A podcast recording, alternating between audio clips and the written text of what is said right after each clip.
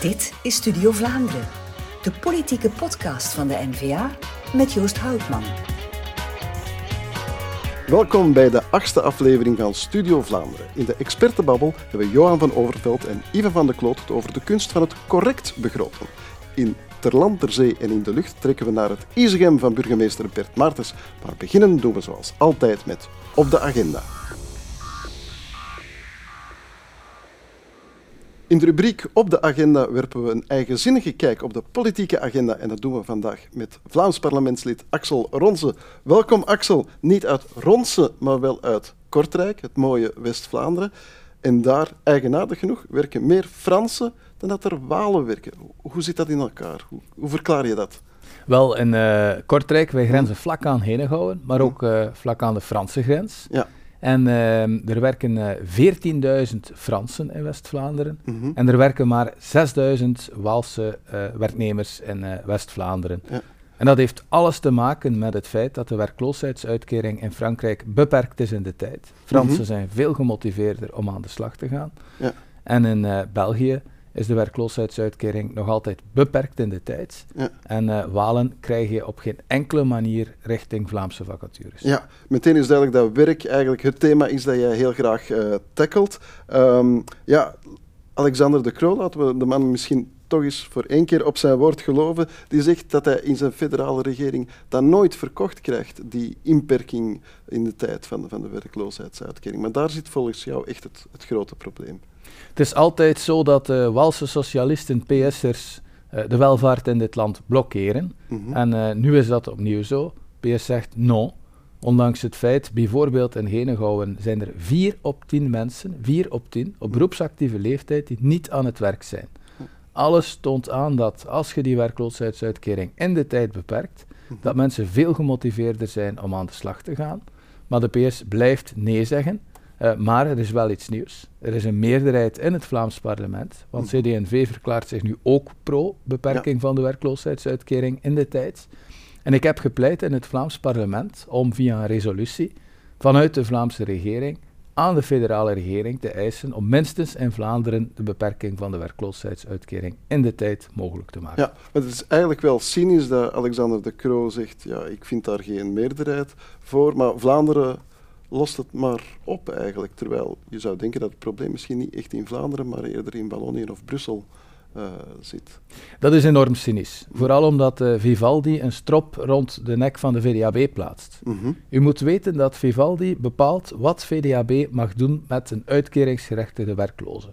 Ja, maar dat is, dat is eigenlijk ingewikkeld, hè? want als we het over activering hebben, dan zitten we in Vlaanderen bij de VDAB. Het schorsen van uitkeringen, dat is dan RVA federaal op de duur. Ja, een Wel, kat vindt zijn jongen niet meer terug in, in, in die, in die. Het is zo dat VDAB zelf instaat voor het uh, helpen zoeken naar werk van een werkzoekende, maar ook voor de controle en de sanctionering. VDAB ja. moet de straffen uitvoeren, mm. maar VDAB kan wel degelijk mensen die, ik zeg maar iets, onvoldoende op zoek gaan naar werk of niet ingaan op een taalopleiding of een andere opleiding, VDAB kan die sanctioneren.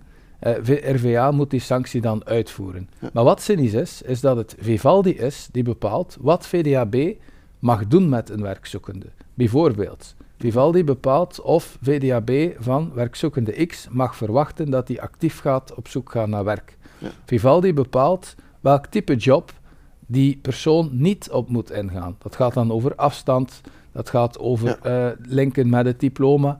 Ja, Eigenlijk zou Vlaanderen... kan zeggen van, dit hoeft niet voor mij. Ja, eigenlijk moet het vergelijken, de Vlaamse minister van Werk, -hmm. dat is zoals een directeur van een wielerploeg, -hmm. maar die eigenlijk de Tour de France moet rijden met mountainbike-wielen, ja. bij wie de bevoorrading moet gebeuren met carapils. Ja. En dan zegt de Croo, ah maar minister van Werk, je hebt toen een Tour de France slecht gereden. Ja. Dat is de vergelijking. Dat was misschien wel gezellig. Ja. Het was misschien wel gezellig, ja. ja. Um, ja Conor Rousseau die komt er ook even uh, tussen gefietst, als we dan toch in het, uh, in het jargon uh, blijven. En die zegt dat er maar twee mensen in Vlaanderen effectief geschorst zijn ehm, door gebrek aan inspanningen. Klopt dit of kon er hij er niet meer naast zitten? Dat is complete, complete onzin. Mm -hmm. Het is zo dat VDAB op twee manieren mensen kan uitsluiten. Ja. Mensen die niet actief op zoek gaan naar werk of mensen die niet ingaan op een voorstel van VDAB. Bijvoorbeeld een opleiding, bijvoorbeeld een sollicitatietraining, noem maar op. Er zijn twee mensen in het eerste semester van 2022 die een uitkering definitief verloren omdat ze niet actief gingen op zoek naar een job. Maar er zijn 792 mensen die een uitkering definitief verloren omdat ze niet ingingen op een voorstel van VDAB. Dus in totaal. Zijn het er 794. En Conor Rousseau, um, ja, die citeerde zeer selectief uh, die twee. Wat niet wegneemt dat wij ook van VDAB mogen verwachten dat ze veel korter op de veren zit bij mensen of dat met de vraag of ze actief op zoek gaan naar een job. Ja, want ik hoorde u zeggen in, in de plenaire zitting van het Vlaams parlement, ja, voor 1400 euro zou ik misschien ook wel twijfelen of ik uit, uh, uit mijn zetel zou komen. Of parafraseer ik u nu verkeerd? Wel, de socialisten mm-hmm. die vroegen mij of ik uh, voor 1400 euro per maand mm. zou gaan werken. Ja. Mijn antwoord aan hen is, uh, zij maken het onaantrekkelijk om te gaan werken, want ze maken het alternatief, namelijk niet werken, keer op keer aantrekkelijker. Ze, het enige wat ze doen is de uitkeringen van mensen verhogen, maar ze doen niks voor mensen die werken. En hier in dit land wordt 54% van wat mensen verdienen afgeroomd, gaat naar de staat, naar de overheid. Wel, room minder af van wat mensen verdienen, maak werken aantrekkelijker en zorg ervoor dat die kinderbegeleider bijvoorbeeld geen 1400 euro netto krijgt, maar al 17 of 1800 euro netto door minder belastingen uh, op te leggen aan die persoon. Ja. Zijn er zo nog van die uh, ja, algemene uh, tips dat u zegt van ja, dat is eigenlijk quite obvious, een beetje gezond verstand van dat zou er nog moeten gebeuren om mensen makkelijker aan het werk te krijgen? Ja, absoluut. De strop moet weg van de VDAB haar nek. Vlaanderen moet zelf zelfstandig kunnen beslissen mhm. op welke manier ze mensen naar werk helpt. Uh, de beperking van de werkloosheidsuitkering in de tijd is essentieel, echt fundamenteel. We zijn het enige land, enige mhm. land in de wereld waar mensen onbeperkt in de tijd mhm. een werkloosheidsuitkering kunnen genieten. Laat mensen, als ze weten dat het na twee jaar stopt, ze gaan vanaf dag één super gemotiveerd zijn om aan de slag te gaan. Ja, in Zwitserland is, is solliciteren eigenlijk op zich al een fulltime job bijvoorbeeld. Ik ben naar Zwitserland geweest om dat te gaan bekijken. Daar moeten mensen zich week na week gaan presenteren bij de Zwitserse VDAB. Mhm. En uh, men gaat echt na, heb je een ganse week fulltime je best gedaan om werk te vinden. Is dat niet het geval, dan worden mensen van de werkloosheidsuitkering geschrapt. Men onderschat soms vaak, het zijn mensen die aan het werk zijn, die die uitkeringen betalen. En we moeten veel zorgvuldiger omgaan met die centen. Oké. Dank voor uw zeer werkbare antwoorden, vind ik toch wel, over een, een, een onderwerp met heel veel laagjes, toch, waar heel veel werk nog uh, uh, op stapel ligt. Uh, dank Axel Ronsen uit het mooie Kortrijk. En we blijven in West-Vlaanderen en we trekken naar het Isegem van Bert Maartens voor de rubriek Te land, ter zee en in de lucht.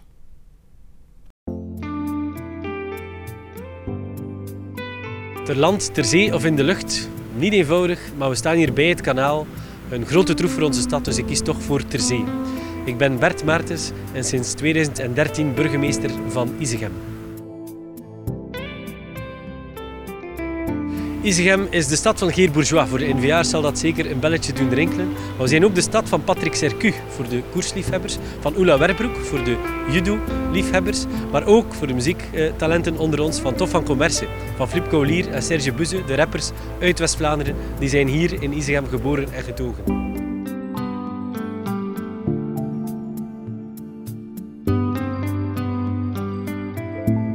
Kanaal Roeselare dat hier dwars door onze stad loopt, zorgt voor heel veel bedrijvigheid in de stad, al van oudsher, maar vandaag ook nog.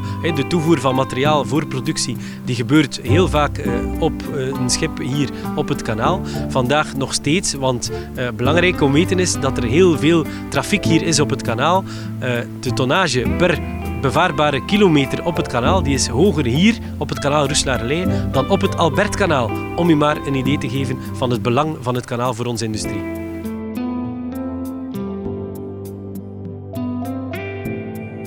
Speelden hier ravotten veel aan de overkant van het kanaal en heel uh, stiekem uh, toch ook wel even in het kanaal. Ik ben nu burgemeester, ik mag dat nu niet meer goed praten. Mensen mogen niet zwemmen in het kanaal, maar ik durf eerlijk toegeven dat ik toch verschillende keren in mijn scoutsbroekje hier in het kanaal heb geplonst en naar de overkant heb gezwommen. Maar vertel het niet verder.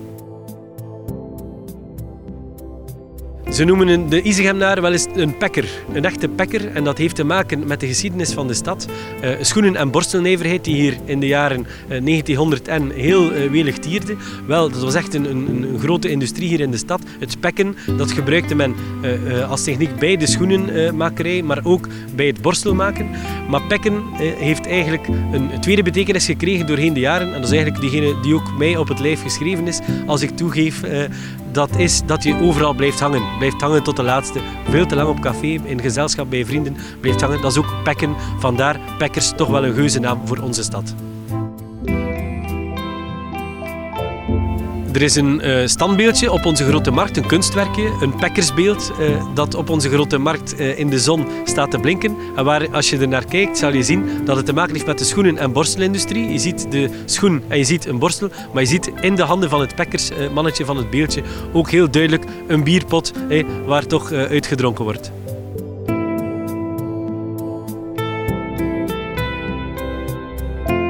Een andere leuke plek in onze stad is eigenlijk het café Het Vlaams Huis. Het Vlaams Huis heet niet toevallig het Vlaams Huis, het café. Maar dat komt eigenlijk doordat de Vlaamse beweging, de Volksunie en later de N-VA hier een vaste stek kreeg. Toen Geer Bourgeois als uh, stichter-voorzitter van de N-VA uh, de eerste keer bij de verkiezingen in 2003 de enige zetel van de N-VA behaalde, dan werd dat hier uh, in Isegem, in Café het Vlaams Huis, heel uitbundig gevierd. Ik herinner mij die nacht nog als gisteren. Dat was echt een fantastisch feestje. En later hebben we hier ook altijd de lokale verkiezingsoverwinningen kunnen blijven vieren.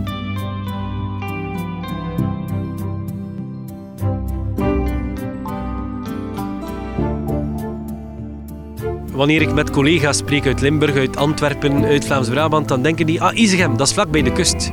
Wel, niets is minder waar. Ik sta eigenlijk sneller met de wagen in het centrum van Gent dan ik aan onze Vlaamse kust sta. Dus dat is al een groot verschil. Het uitgestrekte van de polders, eh, de zee eh, en dergelijke, ja, dat hebben wij hier niet. Midden-West-Vlaanderen is bijzonder dicht bevolkt. Hebben ook heel veel industrie langs het kanaal als motor van die economie. Dat heeft zijn voordelen, maar dus ook zijn nadelen. En als ik de rust wil opzoeken, dan blijf ik eerlijk gezegd eh, vaak niet in eigen stad, maar ga ik een andere streek, liefst in West-Vlaanderen natuurlijk, maar elders ook in Vlaanderen gaan ontdekken.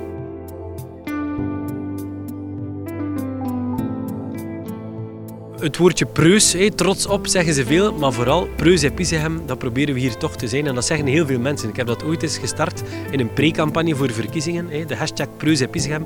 Ik stel vast dat heel veel mensen dat beginnen te gebruiken. Dat doen we eigenlijk wel een plezier.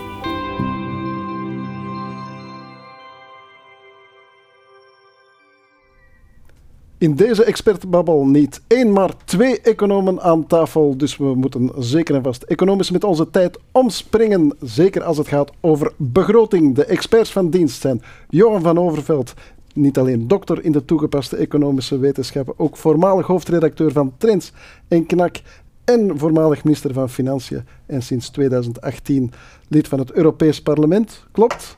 Dat klopt. Ook nog een expert Ivan van de Kloot, hoofdeconoom van Denktank Itinera, auteur van boeken als Taxshift en Overheid en Markt. Dat klopt. Ook. Dat is juist. Oké, welkom heren. We gaan het hebben over de begroting. Um, de begroting waarin de federale premier misschien zich wel van de kleinste kant heeft laten kennen.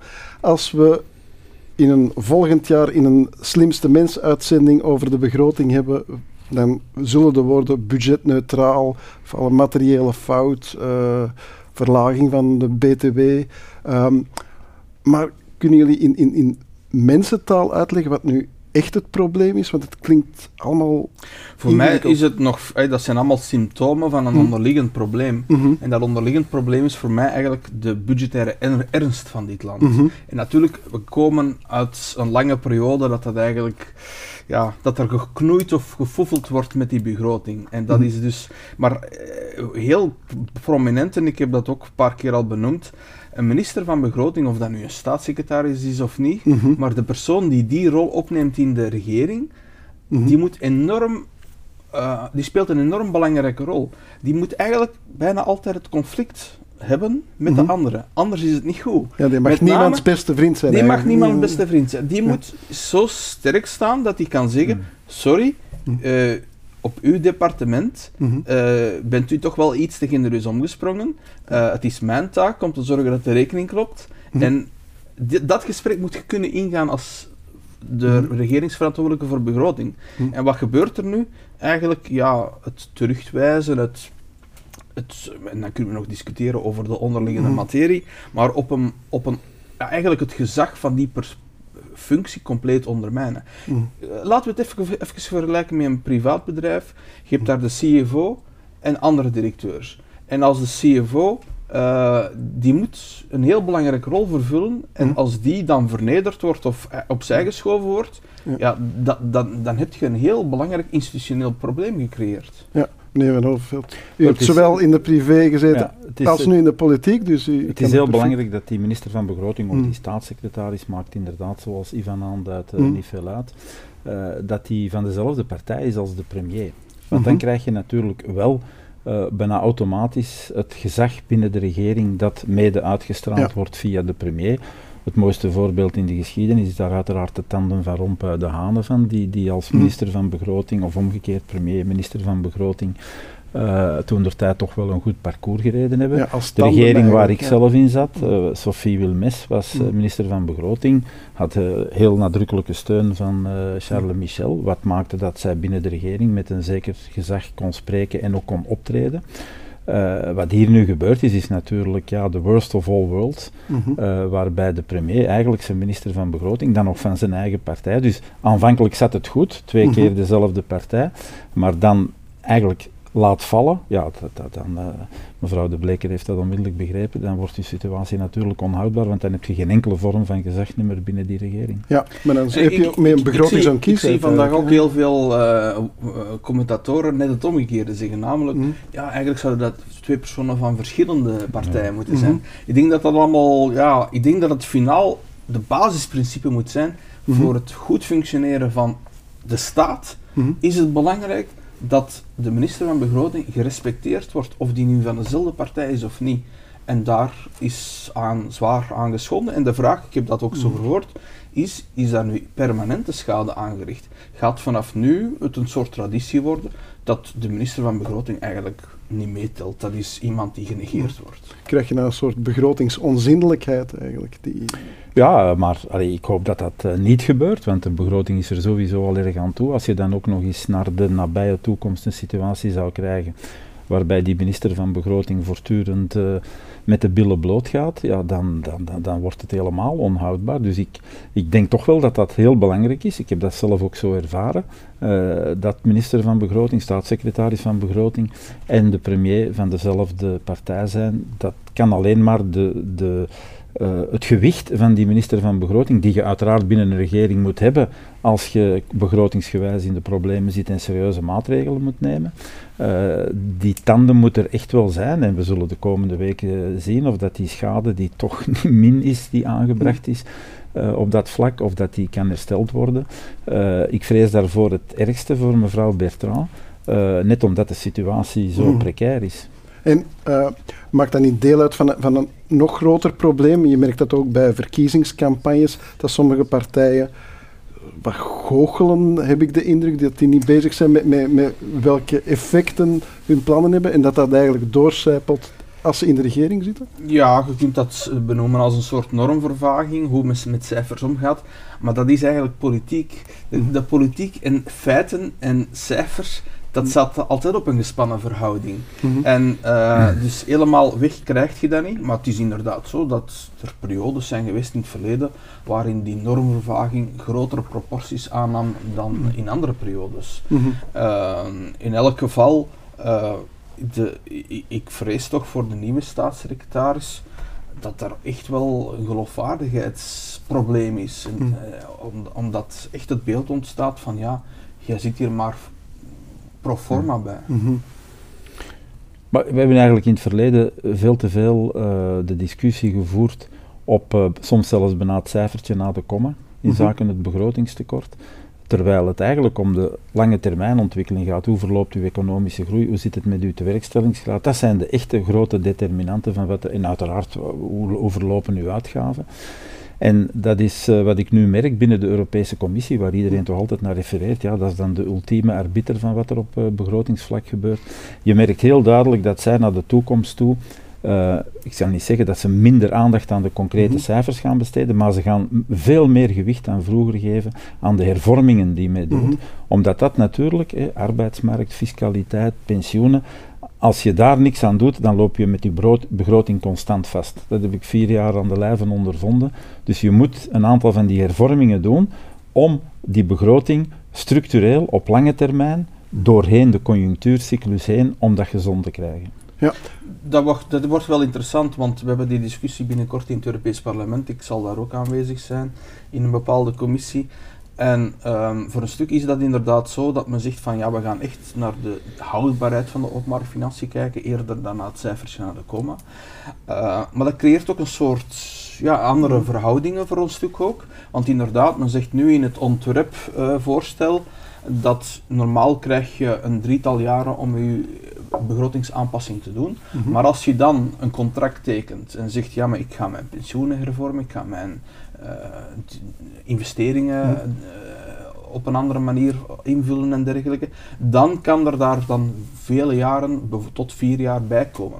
Mhm. Maar dat betekent ook dat het veel minder rule-based zal zijn. Het zal eerder een onderhandeling worden, waarin de Europese Commissie heel veel bewegingsvrijheid krijgt. Ja. En ik, ben heel benieuwd naar het, hoe de Europese parlementsleden naar kijken, want sommigen zullen zeggen van ja, dat is goed, dat is nodig, maar anderen zullen zeggen ja, maar dat hangt dan heb je toch, hangt het allemaal enorm af van wie dat er die Europese Commissie dat bevolkt. En, en, en onder meer de vraag, ja, maar gaat er niet uh, erg op uh, voor Frankrijk gaat er misschien een andere soepelheid gelden dan voor een ander land. Dus er komt veel meer bewegingsvrijheid, discretie wordt dat genoemd. Mhm. En ja, als dat goed functioneert, kan dat positief uitwerken, maar dat, kan ook helemaal anders. we hebben hier een Europees parlementslid aan tafel. Uh, de situatie is vrij goed getekend door meneer Van der Kloot. Ik hou daar ook mijn hart voor vast, omdat je inderdaad uh, in een dergelijke situatie, uh, ook rond hervormingen, wanneer is een hervorming geslaagd, mm wanneer is een hervorming voldragen, dat is op zich al een heel discussie. Ja. Dus je creëert daar inderdaad een, een potentieel vacuüm waardoor op den duur, ik ga niet zeggen alles kan, maar toch veel kan. En uh, ook al aangeraakt, uh, het is heel duidelijk dat het gewicht uh, van een land binnen de EU, het, het mhm. economisch gewicht, het politieke gewicht, wat, wat nauw samenhangt, dat dat toch wel eens meer zou kunnen gaan bepalen van wie wat mag of wie wat meer weg, of, of wie met uh, minder uh, ja, gestuurd. En dus ik vrees dat deze extra speelruimte, dat die vooral ten goede gaat komen aan de grote landen, vooral dan Frankrijk en Italië, want, en Spanje, dat zijn natuurlijk ook de landen die budgetair in de meest precaire situatie zitten. Uh, en dat kan natuurlijk nooit goed zijn op, op termijn. Ja, maar dat soort landen, dat noemden we tot voor kort de club met landen, maar daar worden wij nu ook bij bijgerekend. Ja, natuurlijk. Het is altijd belangrijk dat er een soort objectivering of, of, of uh, signaal komt van, sorry, u gaat bepaalde niveaus van redelijkheid te boven. Uh, en daar hanteren we bijvoorbeeld een bepaalde schuldgraad, hè, dus de schuld tegenover het nationaal inkomen als parameter. En dan kan je zeggen, ja, die cijfers voor België komen in de buurt van Zuid-Europese landen.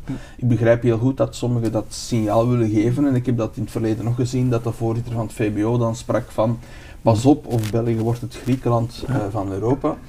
Uh, maar als het goed zit, uh, is er ook nog iets onder die breuk. Mhm. De teller is de schuld, maar de breuk, onder de breuk zit mhm. de, de nationaal inkomen.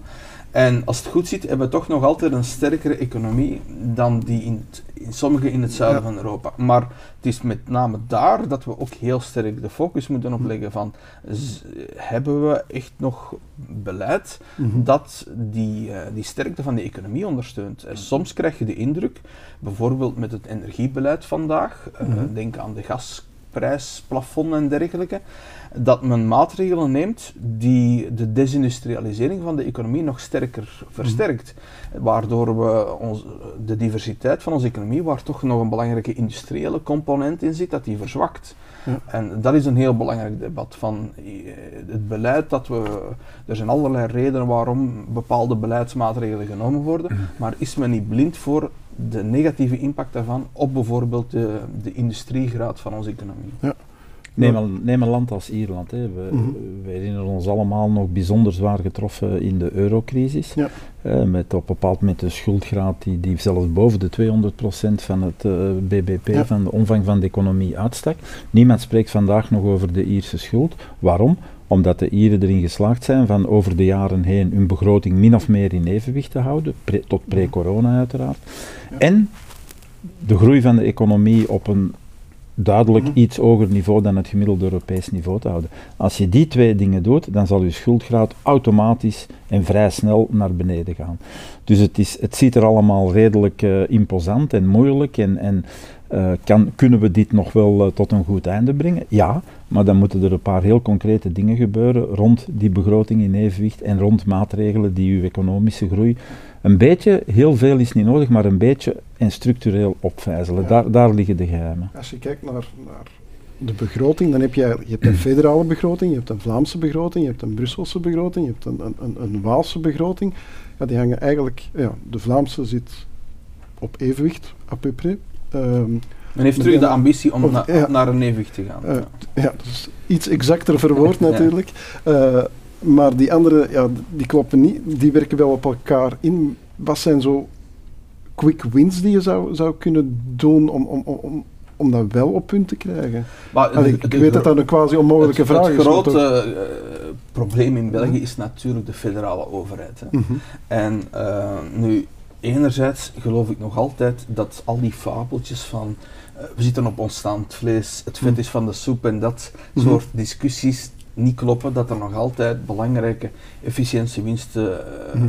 te boeken zijn, ook op federaal vlak, omdat men het gewoon eigenlijk nooit echt geprobeerd heeft. Omdat Mhm. men altijd met coalities zit waar één partner dat blokkeert. Ja. En dan kan je de ander zo hard roepen als hij wil. Ja, maar dus de, de, instru- huisjes worden de instrumenten die ik in mijn hoofd heb, van Mhm. hoe pak je eh, een begroting aan, hoe zorg je ervoor dat uw diensten eh, gestuurd worden op prestatie. Dus wij, even kort, we zitten met een middelenbegroting. Wat mijn grote eh, pleidooi al jaren is, we moeten van een middelenbegroting naar een prestatiebegroting. Mhm. En dus het is eigenlijk f- intrigerend hoe we daarin vastzitten. Wij maken altijd de grote focus op de begroting. We kondigen altijd veel dingen aan.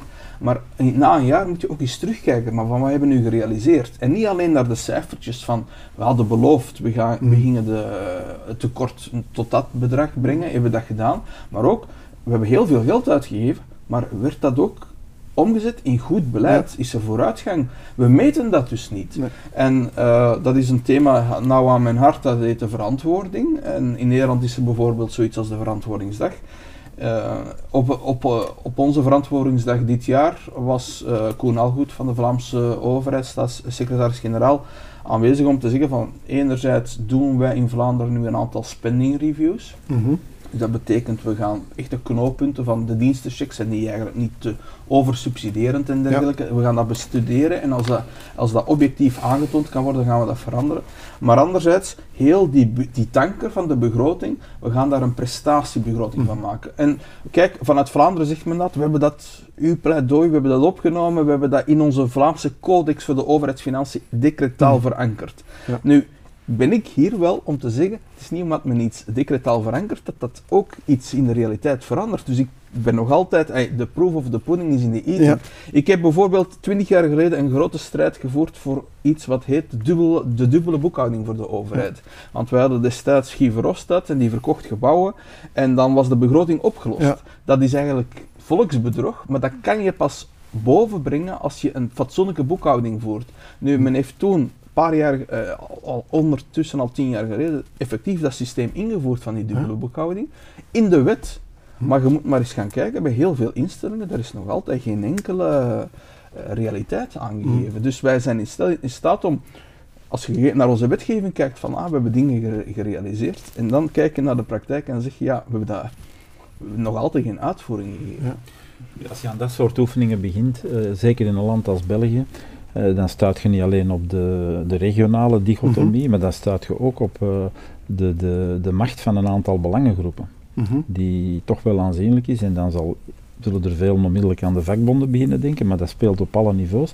Ik herinner mij toen wij op financiën aan de hervorming van de vennootschapsbelasting begonnen, dan uh, hadden wij onmiddellijk een pleiade van belangengroepen, ik weet niet waar ze allemaal uitgekropen kwamen, uh, die mij kwamen zeggen, meneer de minister, dat is een geweldig idee om die be, uh, beloonschapshervorming te, te, vereenvoudigen en het basistarief naar beneden te brengen.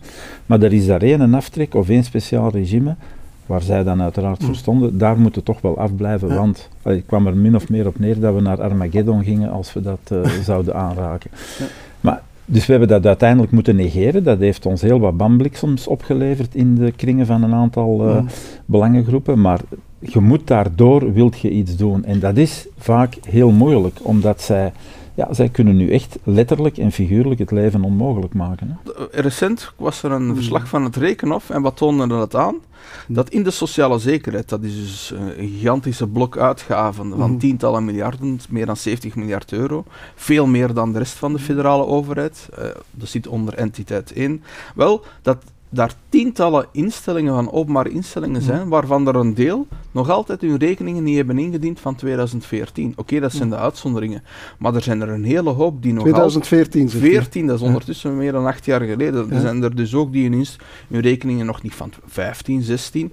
En, en, de, en de, het gros heeft hun rekeningen van vorig jaar nog niet ingediend. Dat is, terwijl de wet hen dat wel oplegt.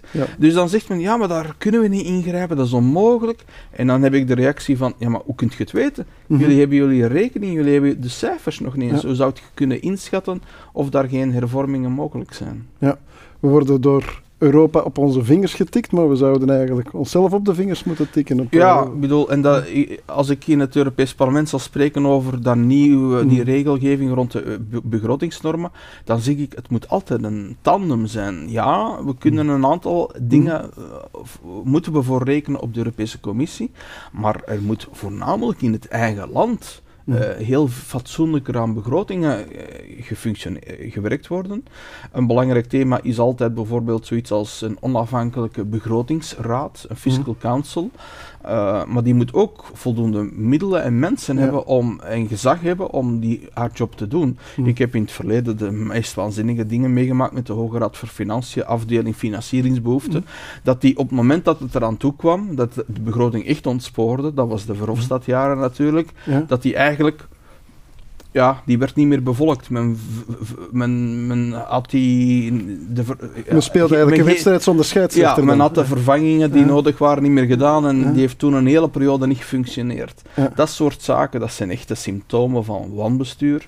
Hm. En, en, als dat in uw eigen land niet wordt opgepikt, ja, dan is het een beetje naïef om te denken van de Europese Commissie zal ons dat allemaal wel uh, oplossen. Bovendien... Uh, de, welke echte wapens heeft de Europese Commissie om dingen op te leggen of om landen te forceren in bepaalde beslissingen? Hè? De, de gewezen Amerikaanse president Theodore Roosevelt zei: I negotiate with a smile and a baseball bat. uh, de commissie heeft geen baseball bat. De commissie, ik heb dat zelf meegemaakt, kan, kan u onder druk zetten, kan aandringen op, kan dreigen met boetes, wat al vaak gebeurd is. Er is nog nooit een boete uitgereikt, zal ook nooit gebeuren.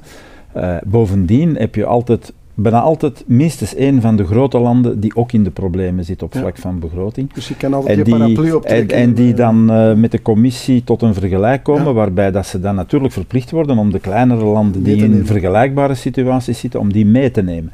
En dus het, het disciplinerend karakter van Europa als er recht op aankomt, hè, je hebt natuurlijk de, de, publieke verklaringen, dit kan niet, dit mag niet, dit moet, maar als het er recht op aankomt, is vrij beperkt. Maar dat is in het verleden... In principe kan het wel, hè. Hm. En dat is iets wat ik in, in, mijn interventie in het Europese parlement zal voorleggen aan, hm. aan de volksvertegenwoordigers. Hm. Namelijk, je kan ook in die nieuwe regelgeving een automatische sanctionering invoegen. Dat daar niet meer over wordt onderhandeld. Dat, dat, dat, is politiek ja, maar dan, komt, dan zie je waar het op neerkomt. En dan ben ik heel benieuwd van welke parlementsleden hebben hier wel geijverd mm voor een automatische sanctionering en andere niet. Want het is één ding om te zeggen van ja, dat gebeurt niet, maar iets anders is uw verantwoordelijkheid nemen. Het parlement kan dat invoeren. Maar als ze dat niet doen, dan dragen zij daar Nee, ook de de realiteit is dat het parlement daar inderdaad zou kunnen voor gaan, maar dan moet ze nog altijd tot een overeenkomst komen met de Europese Raad, vooraleer het echt wetgeving wordt. Mhm. De fameuze trilogen, eh, waar eh, altijd nog wat in gewild en gedeeld wordt. Maar het, is, allee, het, is voor mij, het zou mij enorm verbazen, alhoewel ik het zou steunen, eh, indien er een dergelijk automatisme zou komen. En er zou misschien een automatisme kunnen zijn, maar een automatisme dat in termen van de baseballbat van Mhm. meneer Roosevelt geen echte baseballbat is. Hè, zoals het prijsplafond op het gas dat nu Ja. ingevoerd wordt, een, Ja. een, een, een ridicuul voorbeeld is van wat een eh prijsplafond zou, zou moeten zijn. Dus ik, ik geloof niet dat dat eh, politiek haalbaar is. En dat heeft natuurlijk op zich alles te maken met het feit dat we die euroconstructie, die monetaire unie, opgezet hebben op een institutioneel onvolledige manier. En dat we dus inderdaad ons met second en third best solutions moeten behelpen Ja. om de budgettaire discipline die echt nodig is om de, om de club bij elkaar te houden, om die op te leggen. En als het niet van de landen zelf komt, dan zal het altijd heel problematisch blijven. Het is niet toevallig dat het altijd dezelfde landen zijn die budgetair in de problemen komen, of nog erger, en landen die budgetair behoorlijk fietsen, of zelfs zeer goed fietsen. Het zijn altijd dezelfde. Hè. Het is niet dat daar plotseling iemand die... eh, Nee, nee. Griekenland gaat niet ineens het grote voorbeeld worden van hoe je begrotingsbeleid moet voeren. Ik, wat, wat mij heel ergert, en dat is, ja, dat is al decennia zo, dat is dat de politiek, een deel van de politiek zeker, begrotingen gebruikt eigenlijk als een soort ehm, eh, geld dat ze kunnen gebruiken om ki- kiezers te winnen. Mhm. Dan zitten we niet ver van dat verhaal van Charles Woeste, Mhm. die eh, worsten uitdeelde de dag voor de verkiezingen om verkozen te geraken. En, ehm, en ik wil daar altijd wel over debatteren. Over de, als, als ik nu met andere experten debatteer, dan zeggen die ja, maar we hebben meer budgettaire ruimte nodig voor, voor landen om te stimuleren of voor investeringen en zo. En dan zeg ik ja, maar laten we wel naar de basisprincipes gaan.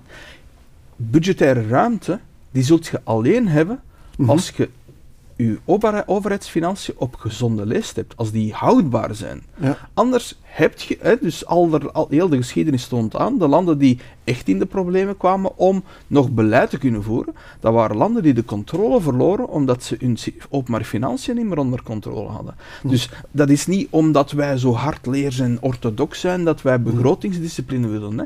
Nee, dat is om, opdat een overheid beleid kan voeren, opdat dat haar begrotingsruimte kan benutten, moeten haar openbare financiën gezond zijn en in een houdbare situatie zijn.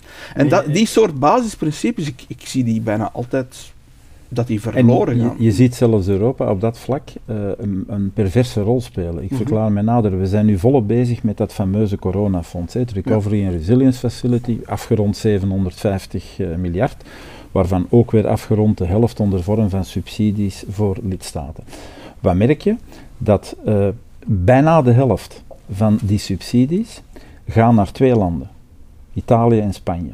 Twee landen die in termen van economisch gewicht rond eh, nog geen 25 procent. In bevolking eh, eh, is het gewicht ook van die grote orde. En die halen dus bijna 50 procent van Ja. die subsidies binnen. Dus ik noem dat fonds niet het coronafonds, ik noem dat het fonds ter redding van Spanje en Italië. En waarom Spanje en Italië? Omdat die in het verlengde van wat Ivan net zegt, dat zijn natuurlijk de landen waar, waar ten eerste grote landen, hè. We, we hebben Griekenland gehad, klein land of kleine economie, dat was al een groot probleem. Maar dus dergelijke landen in problemen zien komen, daar is men als de dood voor. Een beetje dat- too big to fail. hè, ja, too big to fail, maar wat is natuurlijk de pendant van dat optreden? Dat die landen zich uiteraard, als de Europese kranen opengaan en de tientallen miljoenen beginnen te stromen, wat nu effectief aan het gebeuren is, ja, dan is natuurlijk de, hoe moet ik zeggen, de, de, de aansporing om te zeggen, kom aan, we gaan die nationale begroting op orde zetten, we gaan zorgen dat we eh, voldoende ervorming hebben om economische groei te doen, dat wordt in een, in, in, in een soort van perverse eh, evolutie, wordt afgeremd daardoor net. Ja. Dus aan de ene kant probeert men die landen te helpen, door ze extra veel middelen toe te schuiven, maar van de andere kant heeft net dat fenomeen tot gevolg dat men, ik ga niet zeggen achterover gaat leunen, maar dat men toch zeker ge- geen tandjes gaat bijsteken om die begroting toch op orde te krijgen. Dus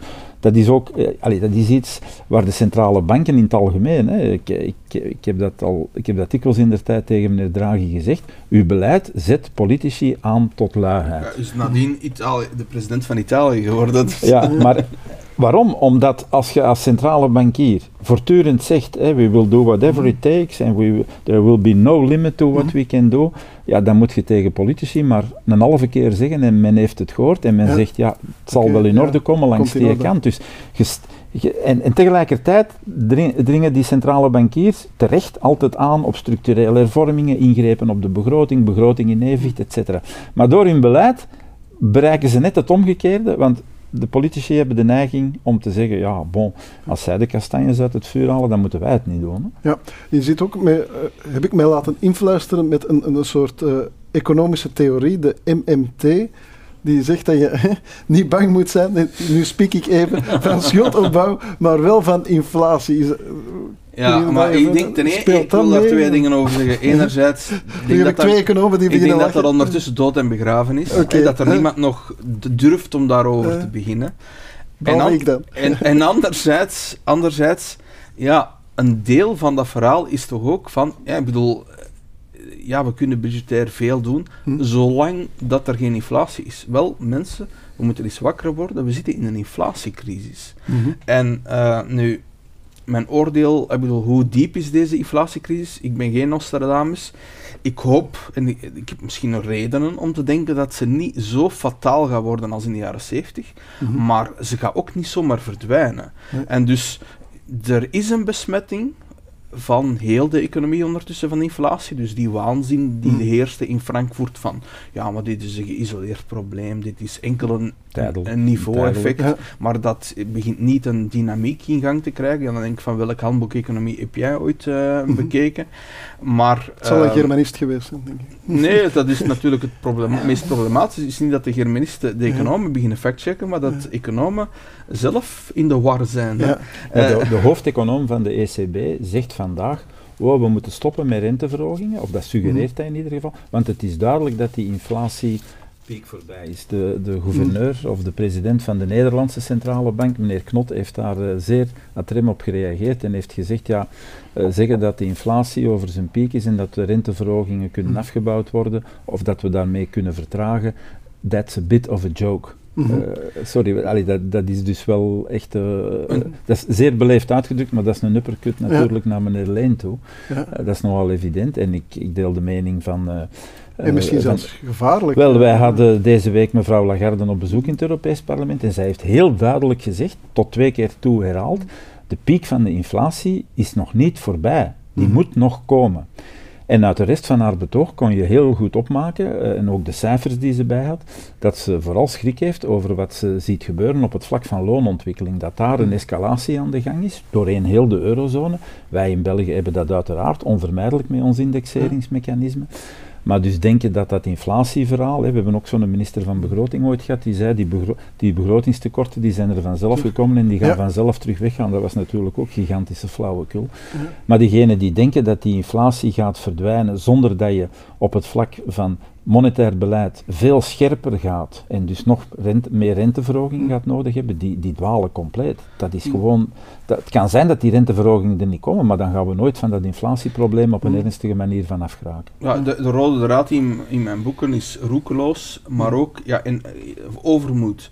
En, en die overmoed zie ik heel veel bij technocraten. Eh, onder meer bij de Europese Centrale Bank.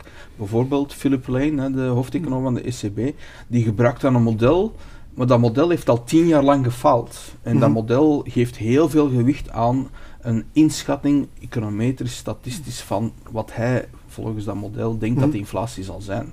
Maar als je meer kijkt naar andere factoren, hè, dus uh, welke prijsontwikkelingen mhm. en eh, hoe, hoe, begint die de rest van de economie te besmetten. En als je dat een beetje doseert met wat economische mhm. geschiedenis, dan weet je nog niet wat de toekomst zal brengen. Maar dan weet je, ik moet hier risicoafkerig voor zijn. ik ben eh, vorig, voor de zomer redelijk kwaad geworden bij een lezing van een directeur van de Nationale Bank, die echt zo een wishy-washy, mhm. wishful thinking verhaal kwam brengen van nou, maar die inflatie dat is tijdelijk, dat is een hump, die verdwijnt terug. En, uh, en we moeten nauwelijks ingrijpen. En die had gewoon zo een voorspelling gemaakt, zo, dit zal de groei volgend jaar zijn, zo met de cijfer naar de komma. En ik van, welke overmoed om te denken, ik bedoel, in deze onzekerheid, gegeven de geschiedenis, zult je tenminste moeten toon, aantonen dat je heel onzeker bent over wat er ons overkomt. En ik, zoals ik in mijn eigen studenten zeg, van ja, jullie beleven iets voor het eerst in jullie leven. Wij hebben, en wij moeten daar als gemeenschap, als bevolking, eh, iedereen van afkicken, hè, van 30 jaar lang, er is een probleem, we lossen dat op door geld uit te delen. Mhm. Maar nu zitten we in een inflatieomgeving. En dus je verergert. Elke keer als je geld ondoelmatig uitgeeft, verergert je het inflatieprobleem. Dus wij moeten afkicken van een gewoonte die we 30 jaar hebben opgedaan van lossen elk probleem uit op door geld uit te die, die technische verdwazing is in dit geval echt wel aan de orde. Want als je doorpraat met bijvoorbeeld economen van de ECB, dan merk je waarom zeggen zij steeds opnieuw en dus binnen 1, 2, ondertussen zijn er al sommigen die 3, 4 jaar beginnen zeggen, gaat die inflatie terug naar 2%, omdat dat het objectief van de centrale mhm. bank is. En als je dus in die modellen inbouwt, expliciet, dat de determinant van de inflatieverwachtingen de objectieven van de centrale bank zijn, ja, dat, dat is een vicieuze cirkel. Je een eigen start What you put in is what you get out. Als je erin steekt dat de inflatie op termijn zal zijn wat uw objectief is en uw objectief is 2%, dan zeg je de inflatie zal op termijn 2%, 2% zijn. Maar dat is, dat is delusional. Hè. Je, maakt jezelf iets De artikels die ik daar al jaren over schrijf, die zeggen eigenlijk vooral leer is wat meer bescheiden te zijn. Want uh, als je, als je bijvoorbeeld kijkt naar de inflatieverwachting. Hè, dat, is, ah, dat is het. Maar hoe meten we dat? Wel, dan gaat men vragen, en ik was vroeger zelf zo'n conjunctuuranalist bij een bank, en dan gaat men vragen, wat denkt u dat inflatie zal zijn?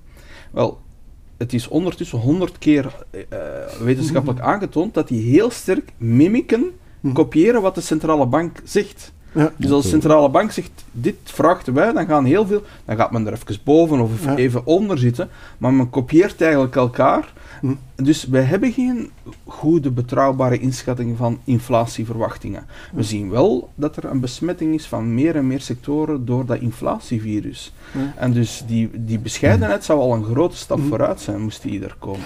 Nu, men leert, gelukkig, en ik was uh, aangenaam verrast om te lezen dat uh, mevrouw Schnabel, Isabel Schnabel, en uh, een, lid van het directiecomité van de ECB een paar, een paar, dagen terug gezegd heeft, kijk, wat leert de geschiedenis ons? Dat als je zo'n inflatieontwikkeling krijgt zoals we die nu zien, dan moeten de rentevoeten van de centrale banken, de beleidsrentevoeten, in reële termen positief zijn. Met andere woorden, moeten die boven de inflatie komen. Vandaag zitten we aan pakweg 10% inflatie. Uh, dat is een uitspraak die kan tellen. Hè. Daar gaan we misschien niet naartoe, maar dat is toch wel een heel duidelijke indicatie dat er met name binnen die ECB, binnen de FED is dat al langer denk ik, een groep van mensen is die ingezien hebben dat ze eigenlijk Mhm. zes tot negen maanden verloren hebben. En dat ze dus een hele inhaalbeweging moeten doen met die rentevoeten. Wat natuurlijk zowel voor de economische groei als voor de financiële stabiliteit uiteraard zijn gevolgen zal hebben. Maar ik denk dat er geen, geen enkel alternatief is in dit geval dan die weg opgaan. Want anders krijg je die inflatie, jaren 70. Ik heb dat van nabij meegemaakt. Uh, wij dachten dat de inflatie niet meer kon bedwongen worden. Hè. We, we, have to live with inflation, punt aan de lijn. Ik heb dat toen tegen die directeur van de Nationale Bank heel hard gezegd van, kijk, uw job is niet om te denken dat je de toekomst kent, want die kent je niet. Uw job is om risicoafkerig te zijn voor inflatie. En dan moet je weten hoe gevaarlijk inflatie is als dat niet meer onder controle is. En in de jaren 70 is dat zo dramatische schade toegebracht door inflatie, dat de arbeidsmarkt kapot is gemaakt voor decennia. Dus als wij in de jaren 80, in de jaren 90 nog altijd een werkgelegenheidsgraad hadden die lager was dan mm. onze omliggende landen, dan voor een deel had dat te maken met die ontsporing van de inflatie van de jaren 70. En dan word je toch wel een beetje verontwaardigd als je merkt dat iemand die daarvoor betaald wordt bij de Nationale mm. Bank, dat die zo nonchalant met die mm. risico's omgaat. Oké. Over ontsporing gesproken, we gingen het economisch houden qua tijd, maar het heerlijke aan expertenbabbel is dat experts in de diepte gaan. Ik dank mijn gasten om de begroting in alle mogelijke facetten, ik ben heel wat wijzer geworden, uh, te tackelen, de begroting te tackelen met twee voeten vooruit zelfs. Uh, ik dank Johan van Overveld en Ivan van der Kloot voor deze expertenbabbel. Dit was de achtste aflevering van Studio Vlaanderen. Ik dank mijn gasten Johan van Overveld, Ivan van de Kloot, Axel Ronsen en Bert Maartens. Ik dank ook u voor het kijken en luisteren. Tot een volgende Studio Vlaanderen.